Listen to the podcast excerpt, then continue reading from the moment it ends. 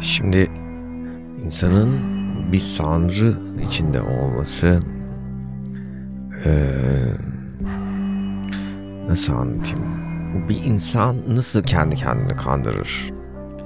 Yani bir insan hangi noktada kendi attığı ya da kendi götünden uydurduğu ya da kendine uyan cevapların doğru cevaplar olduğuna ikna olur.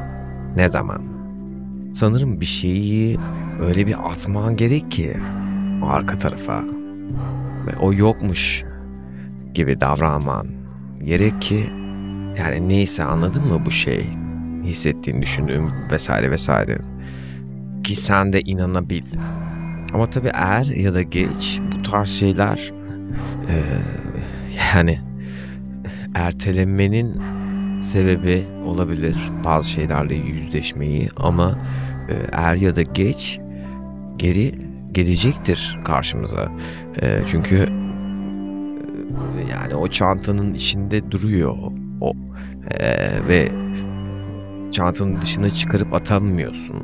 Çünkü bir iple bağlı bir çantaya ve senin bir makas alıp kesmen demek o ipi geri dönüp yani beynini elindeki çünkü tool'un elindeki aracın kesmek için makas değil mi beynini makas gibi kullanıp anlayarak bu şeyi çözebilirsin.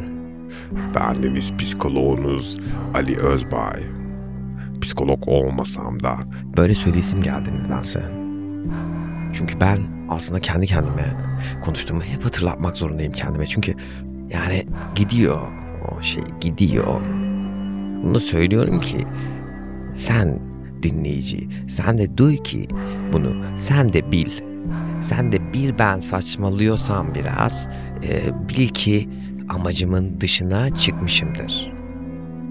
Şimdi düşünüyorum 36 yaşında hissetmiyorum mesela. 36 yaşında nasıl hissetmiyorum? Bu da çok saçma bir şey oldu. Çünkü 36 e, yaşındayım. Yani 36 yaşında böyle hissediliyor. Benim dünyamda. Anlatabildim mi? Yani önemli değil.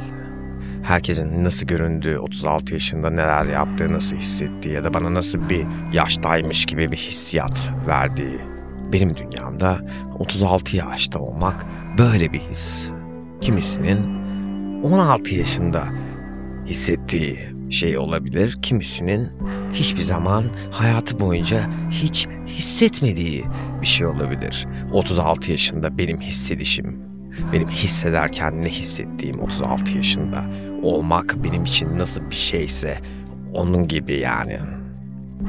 Yani sanırım işlerimi bitirip bugünlük en azından bütün sorumluluklarımı yerine getirmiş olmanın tatminini yaşıyorum.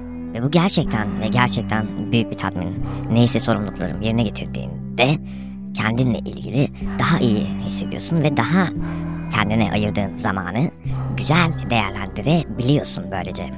Yani zaman boşa harcamak gerçekten kolay kısmı işin. Ama işin güzel kısmı sorumlulukları yerine dereler getirip bizim dereler.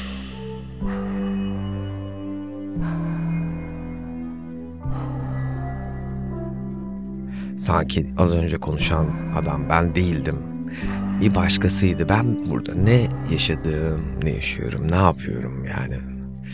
Ne anlatıyorum ben sana ey dost? Bu bir hikaye mi acaba? Acaba bir hikayenin içindeki karakterler miyiz hepimiz? Acaba birinin hikayesi mi? Bir yüce varlığın ya da yüce varlıkların bizim ötemizde Tanrı'nın hikayesi mi? Acaba oturup izliyor mu acaba hepimizi? Yani bir dizi izlemek gibi. E, Bir sonraki sezonda ne olacak acaba? Ee, bakalım ve görelim. O yüzden al sana özgür irade mi dedi acaba? Hanım kendisi de merak etmek istediği için belki. Kardeşim şöyle dön bak kendine bir.